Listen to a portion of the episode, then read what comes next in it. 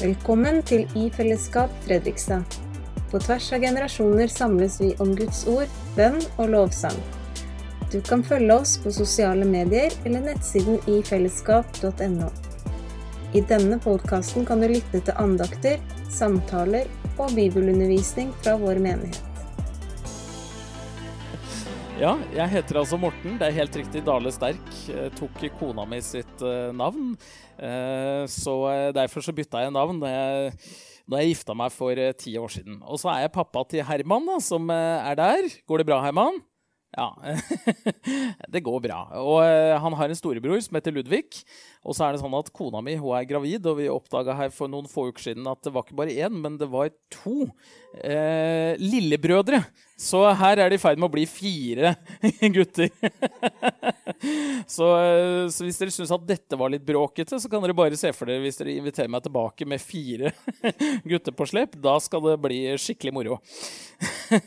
og så bor vi i Larkollen. Jeg har bodd i Oslo i 20 år, så jeg føler meg litt sånn eh, Oslo-gutt egentlig også. Um, men jeg har da vokst opp på Kjerre ute i eh, Vestbygda i Onsøy, ikke så langt unna Skåntorp eh, bedehus. Og så har jeg vært da med i ungdomsmiljøet i ungdomskor sammen med Martin og Kristine. Så de føler jeg egentlig kjenner ganske godt, eh, selv om det er lenge siden vi liksom har brukt mye tid sammen. Så det var liksom litt ekstra koselig da, å få komme hit. Og det er flere av dere som jeg kjenner veldig godt fra oppveksten. Reidun og Jon. Og, ja. Du kan bare gå litt rundt, Herman. Det går bra. Og bare litt sånn til om meg eh, selv, så har jeg da vokst opp stort sett med gravemaskiner. For alle i min familie kjører gravemaskin. Så det kunne jo fort blitt veldig mye grammaskin på meg også, men det gjorde det ikke. For i motsetning til veldig mange barn, så var jeg ikke så veldig interessert i grammaskiner. Det er jo veldig mange, spesielt gutter, som er interessert i det. Eh, men, eh, så det ble litt andre ting, da. Men har, jeg har vært fascinert av det å bygge og drive med entreprenørvirksomhet, og har fått brukt liksom den interessen i andre sammenhenger. Så jeg har også vært veldig mye på Solbukta og vokst opp dels i Misjonssambandet, så jeg føler meg veldig hjemme, da, hvis jeg får lov til å si det. Jeg jobba i Lunde forlag. Det ble slått sammen med Luther forlag på et tidspunkt. Så, og jeg jobba i Luther forlag, så da jeg jobba der eh, Og har veldig Jeg var bl.a. på generalforsamling i sommer og følte meg veldig velsigna. Jeg sto på stand noen dager, men fikk kommet inn på møte, og det var veldig det var veldig godt å være der, selv om det var, eh, var et litt sånn tøft bakteppe, det vet jeg, men eh, det var veldig flott å være der. Eh, så sånn er det. Og så har det blitt egentlig mye Nordmisjon på meg senere, så der sitter jeg i landsstyret og har engasjert meg der da vi går i Moss frikirke. Så sånn, det er veldig typisk vår tid på en måte, da, at man har litt sånn hjem her og der. Men eh, vårt menighetsfellesskap, det er i Moss frikirke. Og de har vært på Menighetsviken på Solbukta i helga. Så der er kona mi og storebror til Herman. Og så tok vi en liten helg for oss sjøl. Så vi har eh, hatt leir hjemme, ikke sant, Herman? Og det besto stort sett i å se på barne-TV, mente han, men vi har gjort litt andre ting også. Ja. Eh, så sånn er det. Og så er det dette temaet her da, som har opptatt meg veldig i mange år. Og egentlig så hadde jeg bestemt meg for ikke å si ja til mer i høst, for jeg skjønte at det kom til å bli travelt, men jeg klarte ikke å si nei til akkurat dette temaet. Eh, så, eh, så skremte jeg litt Mr. Lundeby her for et par uker siden og spurte om vi kunne dytte litt på det pga. den meningsviken og sånn, men jeg var egentlig veldig glad for at det ble sånn det ble. Så nå er vi her. Det er veldig bra.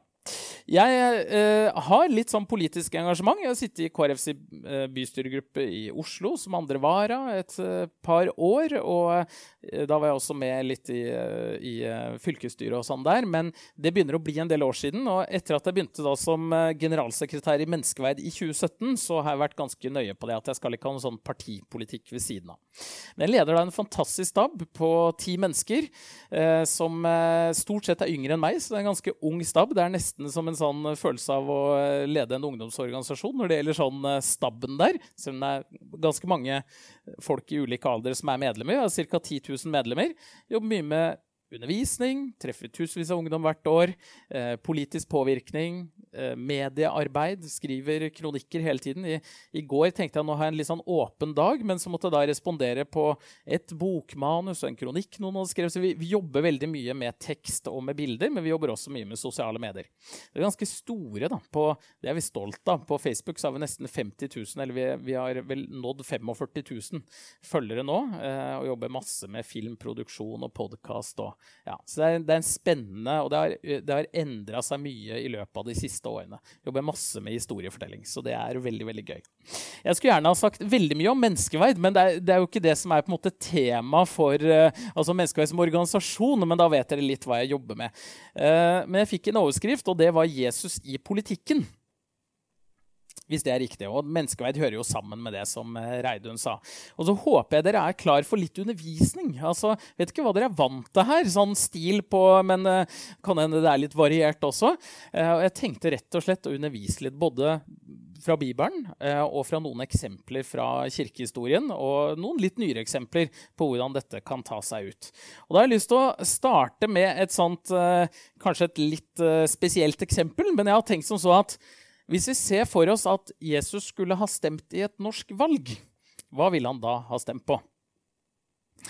Ville han ha latt seg begeistre av Rødt og SV sin sosiale, radikale omfordeling? Det er ikke så lenge siden jeg så en Rødt-politiker var ute og mente at han tok Jesus til, sitt, eh, til inntekt for sitt eh, parti. Så det er, det er, noen som har tenkt i de baner. Ville han heller ha lagt vekt på Frp sin støtte til Israel og enkeltmenneskets frihet? Kanskje ville han vært mest opptatt av forvaltning av skaperverket og kloden. Og da burde kanskje MDG være et godt valg. De, jo, eh, de er jo en radikal politikk der. Eller kanskje det er solidaritet med de svake og arbeidernes rettigheter som de er opptatt i Arbeiderpartiet. Det må jo slå an for eh, en mann som er opptatt av eh, solidaritet og det å ta seg av de svake. Eller kanskje han rett og slett har stemt KrF. De er i hvert fall bygd på et kristent fundament. Så en skikkelig knipe, rett og slett, hvis vi skal prøve å liksom plassere hva er det Jesus ville ha stemt på. Hva vil han vekte sterkest? Og Foreløpig så skal vi nøye oss med å slå fast at jeg tror det er vanskelig å ta Jesus til inntekt for i hvert fall ett partiprogram. Og så har jeg lyst til å ta fram noen eksempler, for dette her med religiøs tilnærming til politikken det er som skapt for konflikter. Og det vet vi jo gjennom eh, for de av dere som er litt opptatt av eh, internasjonal Eh, politikk eller misjon, eller så skaper det konflikter mange steder. Og mange steder så er jo de kristne også forfulgt, rett og slett, fordi at de er en minoritet i et eh, land hvor det er muslimer eller eh, buddhister, for den saks skyld, eller, eller hinduer. Um, men også i land der hvor eh, kristne er i majoritet, sånn som i USA, så skaper det ganske store Eh, konflikter.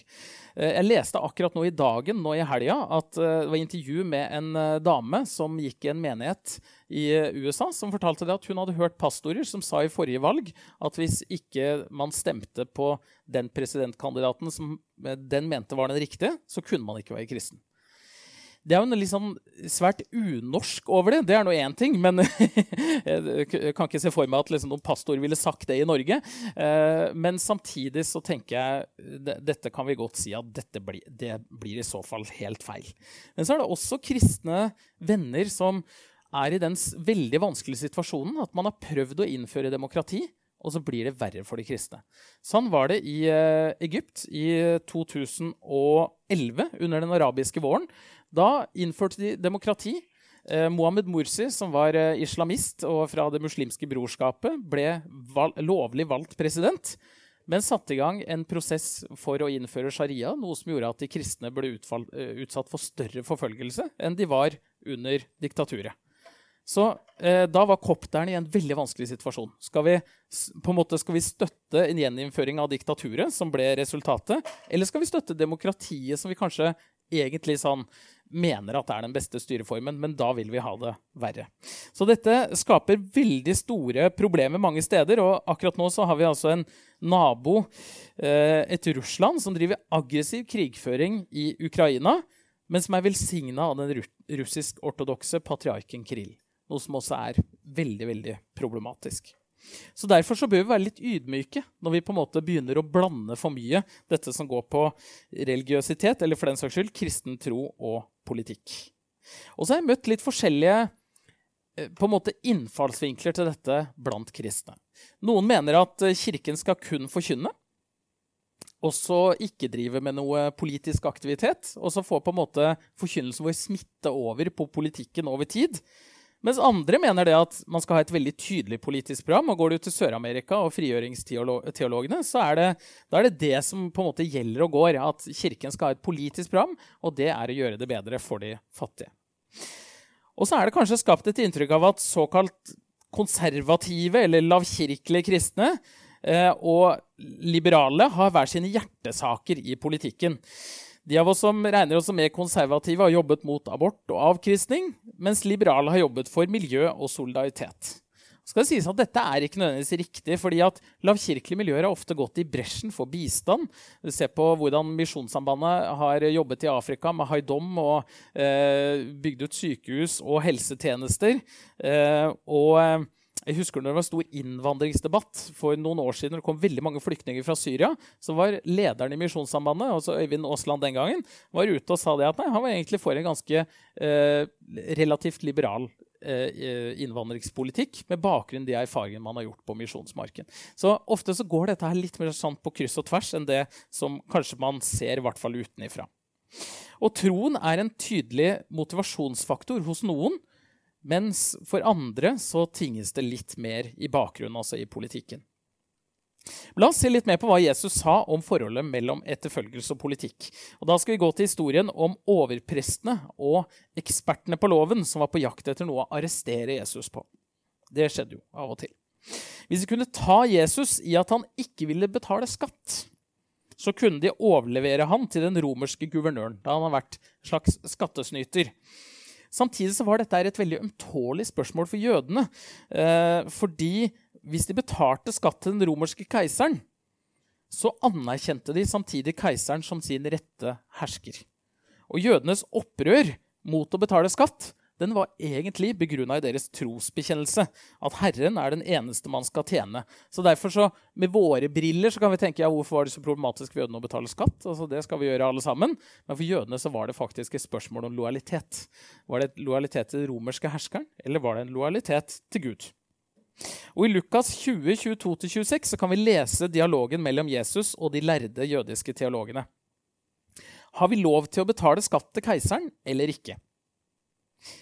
Spurte de Jesus. Men Jesus merket at de ville lure ham. Han sa til dem, 'Vis meg en mynt av sølv. Hvem har bildet og navnet sitt på mynten?' De svarte, 'Keiseren'. Jesus sa til dem, 'Så gi keiseren det som hører keiseren til, og gi Gud det som hører Gud til.' Mennene greide ikke å ta Jesus for det han sa foran folket. De undret seg over svaret og sa ikke mer. Jesus' svar til fariseerne var som vanlig smart og overraskende. De fikk ikke tatt han i skattesnyteri, Samtidig som Jesus gir en slags anerkjennelse til at man ikke skal knefalle for keiseren. Sier også 'gi Gud det som Guds er'. Jesus gir likevel en anerkjennelse til at samfunnet har ordninger som gjelder for alle. Vi må derfor ikke blande helt sammen det som gjelder det som på en måte for hele samfunnet, og det som gjelder oss som menighet og kirke. Og Hvis vi går litt til kirkehistorien og Martin Luther 1500 år senere, så var, ble dette skillet ganske viktig. Men da var det liksom en helt annen historisk situasjon.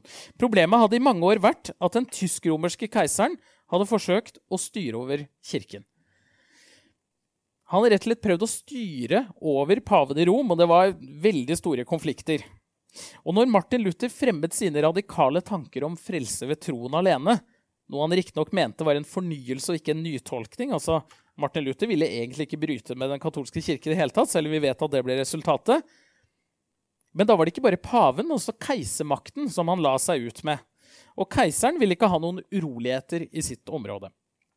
Og dermed ble enhver form for politisk motstand svært truende. Og så var det sånn at Martin Luther, som vi kanskje er vant til å tenke på liksom som liksom, Han er lærefaderen og skrev liksom tunge, nesten filosofiske tekster og sånn. Han som forkynner så var han nærmest en karismatisk taler.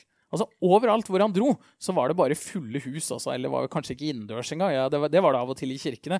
Men han kunne også bare samle enormt mye mennesker og var kjempepopulær som taler.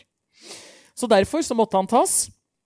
Og Hvis ikke det var for at den lokale fyrsten hadde holdt sin hånd over Martin Luther den gangen, så ville han trolig bli drept. For det ble stort sett folk som var populære og talte imot både keisermakten og kirkemakten. Og det var det som var normalen i det tysk-romerske riket. Og Ut fra denne bakgrunnen så utarbeider Luther en lære som kalles toregimentlæren. Nå skal jeg rett og slett spørre, hvem er, det, hvem er det som har hørt om toregimentlæren? ja, det er et par. Det er et par. Ja, så nå er det litt oppfriskning fra, eh, fra katekismen. Det er ikke katekismen, da. Men egentlig så er det ganske spennende, fordi at den har vært veldig viktig for hvordan man har forstått forholdet mellom tro og politikk. Så når vi spør, i hvert fall i lutherske sammenhenger, hvordan skal vi forstå dette med Jesus og politikk, så er det ikke så dumt å ha vært innom den. Luther han mente altså at keisermakten skulle holde fingrene fra fatet på kirken sitt område. Altså, det vi driver med her, det har ikke staten noe med. Ikke sant? Hvis Fredrikstad kommune eller Østfold fylkeskommune eller staten begynner å blande seg inn i det vi gjør her, da går det galt fatt. Med mindre vi gjør noe som er direkte ulovlig, da, så begynner å snytte på skattene sjøl, f.eks. Da har den legitimitet til å gripe inn.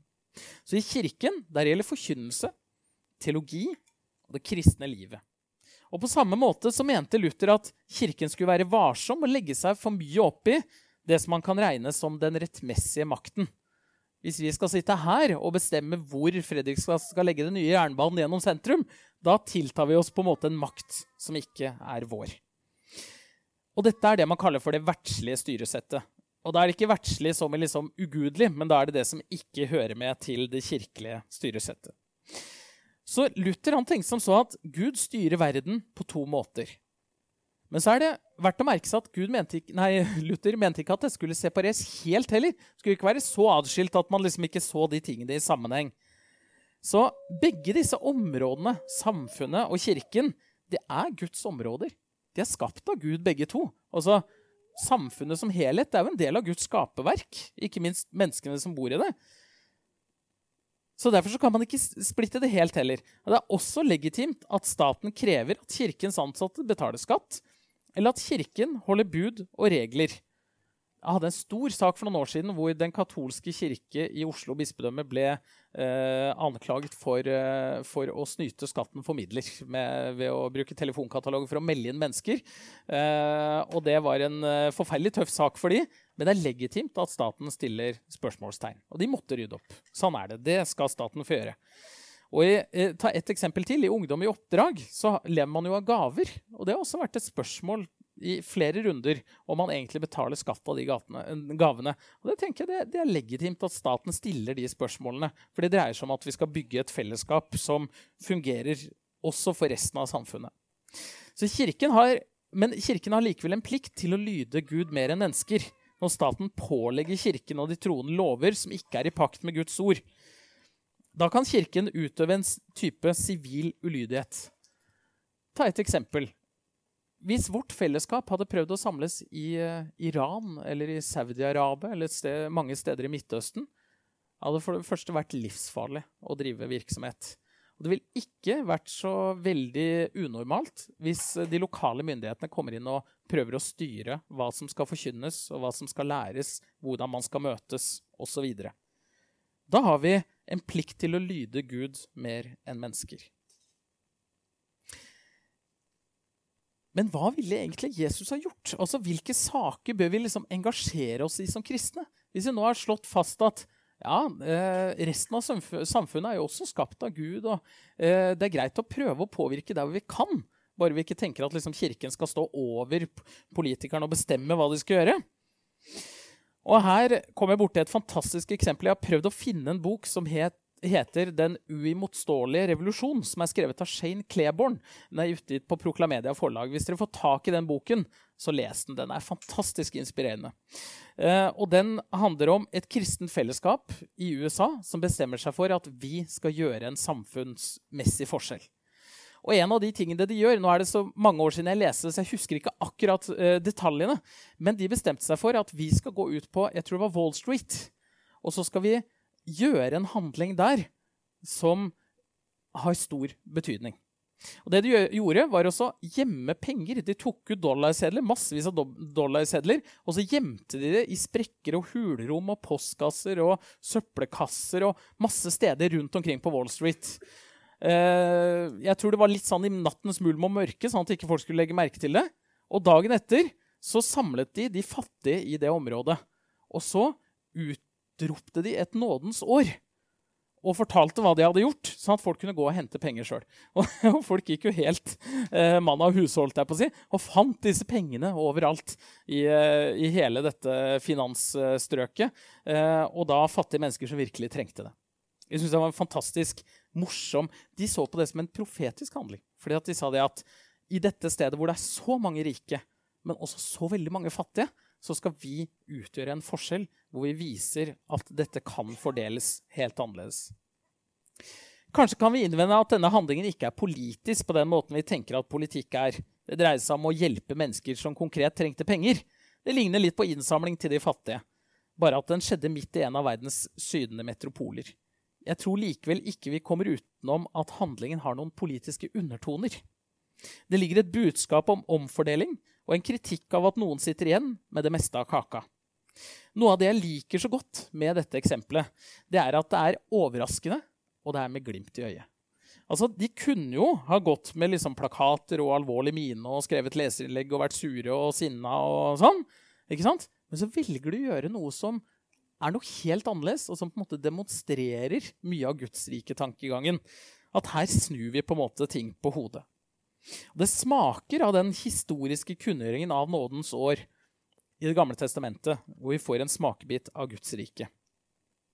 Og så kan det være lett, Hvis vi hopper litt tilbake igjen til urkirken, så kan det være lett å idyllisere den. Men urkirken hadde også sine konflikter og menneskelige motsetninger, åndelig sløvhet og hykleri. Det er bare å lese brevene i Johannes' åpenbaring. Men det var tydelig at for urkirken så var det viktig at forkynnelsen av evangeliet og engasjementet for de fattige det går hånd i hånd. Men engasjerte de seg politisk? Nå er det litt vanskelig å finne likhetspunkter mellom vårt demokrati med partier og, og sånn, og styresettet i det romerske riket, som ble ledet av en hersker som ble opphøyet til Gud. Det var riktignok høytstående mennesker i det romerske samfunnet som tok imot Jesus. Vi, vi husker den etiopiske hoffmannen, som det står om i Apostlenes gjerninger. Og så er det en veldig morsom historie fra Ålkirken, hvor det var en av byens ledere som tok imot Jesus. og Så gikk det bare noen dager, tror jeg, eller i hvert fall veldig kort tid, og så ble han utvalgt til biskop. For de ville jo ha en eh, biskop som også hadde på en måte aner, eh, som var anerkjent i lokalmiljøet. Så det at det er mennesker som hadde en politisk rolle som tok imot Jesus, det, det er kanskje verken så rart, eller, og det skjedde. Men politisk arbeid sånn som vi tenker om det i dag, det er nok ikke så lett å finne. Men da må vi gå en annen vei og se på hvilke politiske følger kristentroen fikk. For det er det flere eksempler på. Og det er kanskje ikke så kjent heller liksom i våre sammenhenger. Og det syns jeg har vært veldig spennende å studere. Hva er det som skjedde når kristentroen begynte å få liksom tak i Romerriket, og mennesker kom til å tro det ble veldig mange kristne etter hvert? Hva er det som skjedde da med politikken og med samfunnet?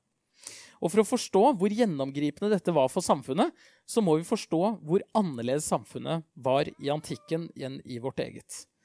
For der var kulturen veldig hierarkisk, noe som betydde at du alltid visste hvem som var over deg. Du visste alltid hvem som var under deg.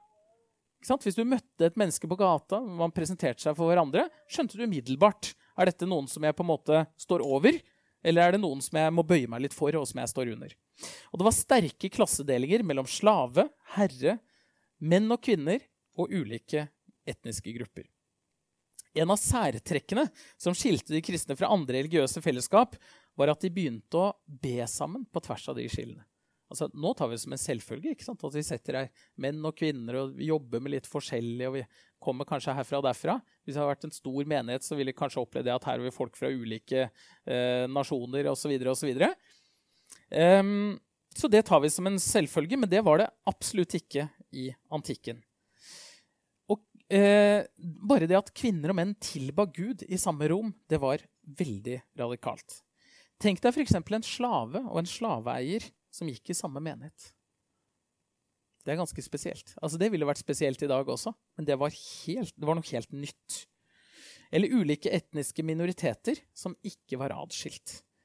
Grekerne de kalte jo alle disse som ikke var grekere, for barbarer. ikke sant? Barbaros. Det var disse fremmede, disse gærningene. Ikke sant? Og plutselig så skulle de be sammen til Gud. Og det, skriver, det er det som ligger under når Paulus skriver i Galateren 3,28.: Her er ikke jøde eller greker, her er ikke slave eller fri, og her er ikke mann eller kvinne. Dere er alle én i Kristus Jesus. Men dette var ikke bare sånn at det liksom satt de kristne i en særstilling i forhold til andre religiøse grupper og, og jødene, ikke minst. Men dette var praksiser som etter hvert fikk veldig politi klare politiske følger. Ja, etter hvert så preget det hele Romerriket. Og hvorfor? Jo, fordi de brøt med det innarbeida hier hierarkiet i samfunnet. Det var ikke så lenge, lenger så viktig hvem som var over, eller hvem som var under. For nå var jo alle satt på lik linje med hverandre. For de troende var det Jesus som var den dypeste årsaken til dette. Vissheten om at vi er alle etter Jesus Kristus, og vi, vi kan ikke gjøre noe fra eller til. Men også for samfunnet som helhet så var det grensesprengende at plutselig hadde alle samme verdi. Og det la rett og slett grunnen for det som senere ble tanken om demokratiet. Og det som senere ble tanken om at menneskeverd er noe som gjelder alle sammen. Selv om ikke vi er enige om på en måte hvor de grensene skal gå Vi diskuterer jo vårt samfunn stadig vekk både abort og øh, dødshjelp og andre spørsmål som har med menneskeverd å gjøre. Så er det allikevel sånn at liksom, tanken om at mennesket er verdifullt i seg selv, det har ganske bred oppslutning. Der lever vi på en måte på den arven fra et kristent Europa gjennom mange hundre år. Og så skal vi se på ett eksempel til. Som sagt så var keiseren i det romerske riket opphøyd til Gud. Det virker jo relativt fremmede for oss. Da må vi i hvert fall til Midtøsten for å finne noe som ligner. Eh, I de sentralasiatiske republikkene så, ha, så, har du noe som ligner. Og kanskje den keiseren i Japan sånn, har en lignende status. Men den gangen så var keiseren og guddommeligheten nærmest smelta sammen. Og Det var rett og slett et krav at innbyggerne skulle tilby keiseren som en guddom. Så var det sånn at Jødene de var unntatt fra det påbudet. Også gnostikerne, en annen gruppe. Men hvordan skulle keisermakten forholde seg til de kristne? De hadde jo ingen makt. De var få. Det var veldig fristende å kjøre over dem. Og Vi har kanskje hørt om disse katakombene med kristne som uh, gjemmer seg eh, fordi at de er redd for å bli forfulgt. Og de kristne var på sin side, eller de, de nektet å tilby keiseren. Det ville jo vært avgudsdyrkelse og et brudd på det første bud. Og I perioder så førte dette til kraftige forfølgelser. Kristne de lot seg rett og slett henrette for å slippe å tilby keiseren. Ikke alle, stor diskusjon i Ålkirken. Hva skal vi gjøre med de som bøyer av, og som liksom eh, vi, vi, eh, vi, får kanskje liksom gå i flokk og så få være kristne i skjul? Hva, hva, skal vi gjøre med disse? Kjempestor, kjempestore debatter. Og ofte så måtte de gå sånn gang som vi sier, for å komme tilbake igjen til det kristne fellesskap. Det er et, et helt eget kapittel. Når de kristne nektet å tilbe keiseren, så brøt de med den rådende samfunnsorden, der makthaverne bestemte og de lenger nede tjente de som var høyere oppe i hierarkiet. Det var egentlig mye av det samme. At det liksom brøt med det som var kulturen i sitt samfunn. Og Denne konflikten den varte ved helt til Romerriket fikk sin første kristne keiser i Konstantin. Da ble gradvis kirken forvandla til en gruppe som hele tiden gjorde motstand mot de rådende samfunnsforholdene, til å bli en kraft som opprettholdt den nye samfunnsorden. Mye på godt, men ikke bare på godt heller. Disse to eksemplene er henta fra en bok som heter Om kristen motstand, av den finske teologen Patrick Hagman. Og poenget er den kristne kirke kan ikke unngå å være politisk. I den forstand at måten vi lever på og handler på, det får politiske konsekvenser. Det er kanskje ikke så lett å få øye på i et sånt gjennomorganisert velferdssamfunn som vårt. Og et eksempel, men et eksempel jeg tror mange legger merke til, er at kristne har et veldig stort engasjement for de som faller utenfor samfunnet. Det være seg i Norge eller internasjonalt. Og jeg vet om også mange kristne som engasjerer seg mye i lokalt arbeid, fotball, korps eller andre aktiviteter. Men Hagman han tar det skritt videre, og han advarer faktisk kristne mot å søke politisk makt. Og han går ganske langt i å si at politisk ansvar er uforenlig med kristen etterfølgelse. Grunnen til det er at det er så stor makt, eller at den som har makt, vil alltid bli preget av den makten. Nå følger ikke jeg Patrick Hagman helt her. Jeg er takknemlig for kristne som tar på seg lederansvar. Men vi skal absolutt ta Hagmans advarsel på alvor. Den kristne motstand kan aldri bare være begrunnet ut fra makt alene. Og det bør heller ikke være begrunnet ut fra ønsket om kirkelige privilegier eller ønsket om favorisering av kristen tro som undertrykker andre religiøse grupper. Kristen motstand har kun et virkelig legitimt grunnlag, og det er ideen om mennesket som skapt i Guds bilde.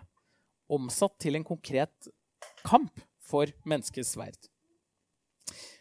Og det er i grunnen det jeg skal snakke om de siste minuttene.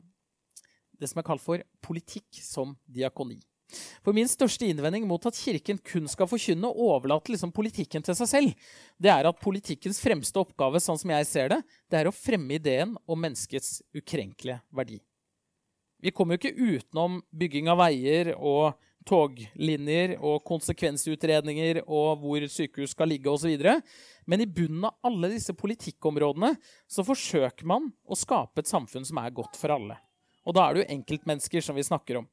Om ressursene fordeles rettferdig i helsevesenet, om bedrifter har lov til å utnytte fattige arbeidstakere, eller man får hjelp til et barn med ekstra utfordringer, det er jo noe av den viktigste motivasjonen for å gå inn i politikken. Og det er absolutt et kristent område, for å kalle det det. Det er det vi kan kalle for politikk som diakoni. Ut fra en kristen motivasjon å jobbe for å gjøre det gode, bygge samfunnet og løfte opp den som trenger det. I løpet av et livsløp så trenger vi den hjelpen, alle sammen. Og så tror jeg det at det fins ikke noe mer kraftfullt utgangspunkt for å fremme enkeltmenneskets verdi enn det kristne menneskesynet som sier at vi er skapt i Guds bilde. Gjennom hele Bibelen så går det en rød tråd der mennesker ikke trenger å bevise at, at et menneske er skapt av Gud.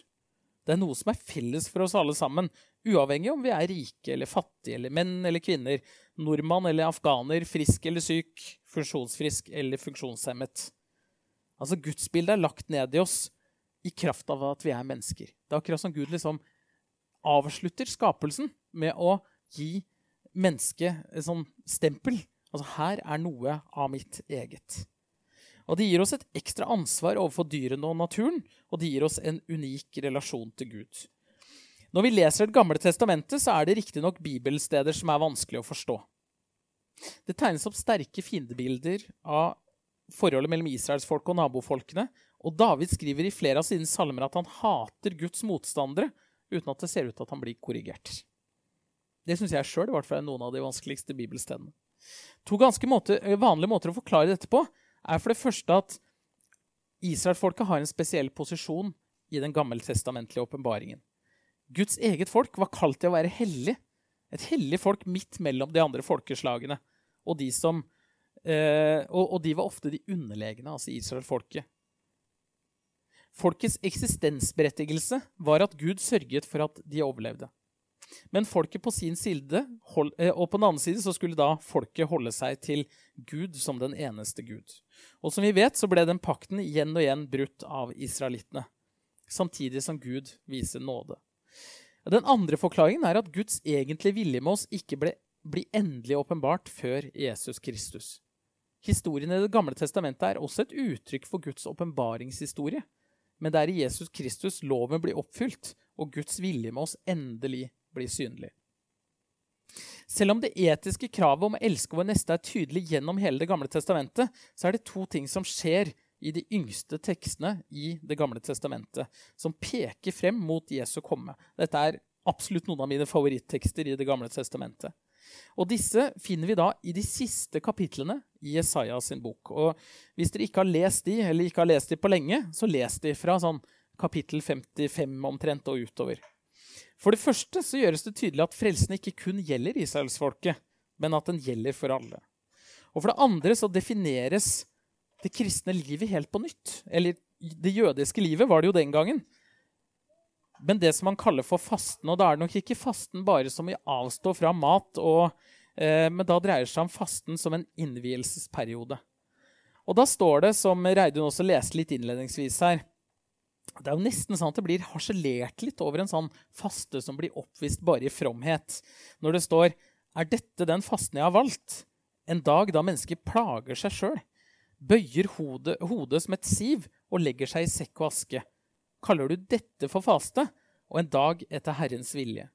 Som motsetning til det så settes det opp et radikalt krav om etterfølgelse. Og da står det Nei, dette er fasten jeg har valgt. Å løse urettferdige lenker, sprenge båndene i åket, sette undertrykte fri og bryte hvert åk i stykker. Og dele ditt brød med sultne og la hjelpeløse og hjemløse komme i hu. Du skal se til den nakne og kle ham, Du skal ikke snu ryggen til dine egne. Og så er det akkurat som det også peker frem mot Jesus når han står frem og kommer med det man kaller for liksom Jesu programerklæring. Altså, Hva er det Jesus vil for noe? da? Hva er det han skal bruke de tre årene på som han går rundt på jorda? Og Da sier han i Lukas 4,18 han, han, uh, han, sier ikke, altså Det er ikke bare det at han sier det, men han gjentar Jesaja, uh, noen vers fra Jesaja. Herrens ånd er over meg, for han har salvet meg til å forkynne et godt budskap for fattige. Han har sendt meg for å rope ut at fanger skal få frihet, og blinde skal få syn igjen. For å sette undertrykte fri og rope ut et nådens år fra Herren. Og så tror jeg det at Vi har hatt en tendens til å åndeliggjøre disse versene veldig. Egentlig så dreier det seg om at Jesus frelser oss fra synden, så vi skal få evig liv. Det er én viktig utledning av de versene, så det er ikke noen motsetning til det. Men det er lite som tyder på at Jesus bare snakket om det kommende livet. For Jesus selv. Han gir jo nettopp, mat, nettopp fattige mat gjennom brødundrene. Han gir blinde syn igjen. Og han reiser opp mennesker til nytt liv. Det var det som var Jesu kall, og det var det som var Jesu tjeneste. Også en del av det. Og så sier han at vi skal gjøre større gjerninger enn det han har gjort. Med andre ord, vi er sendt ut til verden for å dele evangeliet og for å gjøre godt. Ikke fordi våre gode gjerninger bringer frelse til oss selv. Det er det bare Jesus som kan. Men gjerningene våre vitner om ham som har sendt oss. Jesus selv er også ganske kompromissløs når det gjelder hva det nye livet i ham innebærer. Og I bergprekenen finner vi oppfordringene til å elske våre fiender. Formaningen om å ta ut vår egen bjelke før vi kritiserer flisen i vår brors øye, og innstrammingen i skilsmisseforbudet. En for lengst død professor ved Menighetsfakultetet, han var også død da jeg gikk der for uh, mange år siden, ble spurt av en student hvordan skal vi forstå bergpreken. Studenten syntes nok at dette var litt sånn kraftig kost og vanskelig å overholde. Og Da svarer da denne professor Aalen Jesus ga oss bergpreken for at vi skal holde den. Punktum. Det var jo rene ord for penga. Midt inni bergpreken så finner vi også den samme kritikken mot fasten som en tom fromhetsøvelse. Det er akkurat Jesus liksom knytter tilbake til Det gamle testamentet også der. Og Da sier han når dere faster, skal dere ikke gå med dyster mine slik som hyklerne. De forsømmer sitt utseende for at folk skal se at de faster. Sannelig, jeg sier dere, de har alt fått sin lønn. Men når du faster, skal du salve hodet og vaske ansiktet, for at ingen skal se at du faster, ingen andre enn din far som ser i det skjulte. Og din far som ser i det skjulte, skal lønne deg. Når Jesus oppfordrer oss så kraftig til å leve i kjærlighet til vår neste, så er det ikke bare et mellommenneskelig anliggende. Hvordan behandler jeg deg, og hvordan behandler du meg? Selv om det selvfølgelig også er veldig viktig. Det er også et kall til å se på verdens urettferdighet. Strukturer som holder mennesker nede. Og det er et spørsmål om å bryte makt, jobbe mot undertrykking av mennesker og for å lindre nød. Og Da tenker jeg at da kommer vi ikke bort fra at også politikken er en sånn arena hvor vi er kalt til å være. Det betyr ikke at alle skal være delaktige i partipolitikken. Kanskje betyr det at du skal handle profetisk, som for Wall Street, og dele ut penger. Eller takke ja til å delta i diakoniutvalget. Mange måter vi kan engasjere oss på som gjør at vi lindrer verdens nød. Men noen skal engasjere seg i politikken. Og så har jeg ennå ikke svart på hva Jesus hadde stemt, og det får vi nok heller ikke vite. Jeg tror uansett ikke vi kan ta Jesus til inntekt for ett partiprogram, selv om det er ganske fristende for noen. Men jeg tror at Jesu utfordring lyder til alle som ønsker å følge hans spor. Og der kan jeg sitere Et av de mest kjente versene fra Matteus 22. Du skal elske Herren din Gud av hele ditt hjerte og av hele din sjel og all din forstand og du skal elske din neste som deg selv. Om vi lever slik, så vil det over tid få politiske konsekvenser om vi tenker over det eller ikke. Ære være Faderen og Sønnen og Den hellige ånd, som var, er og skal være en sann Gud fra evighet og til evighet. Amen.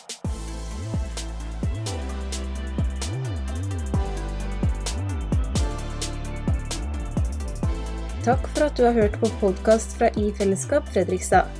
Vi håper det blir til velsignelse for deg. Vårt mål er å finne de som søker, og bevare de som tror. Sammen vil vi dele livet, tjene hverandre og vokse som Jesu etterfølgere medvandrere og fellesskap. Velkommen tilbake.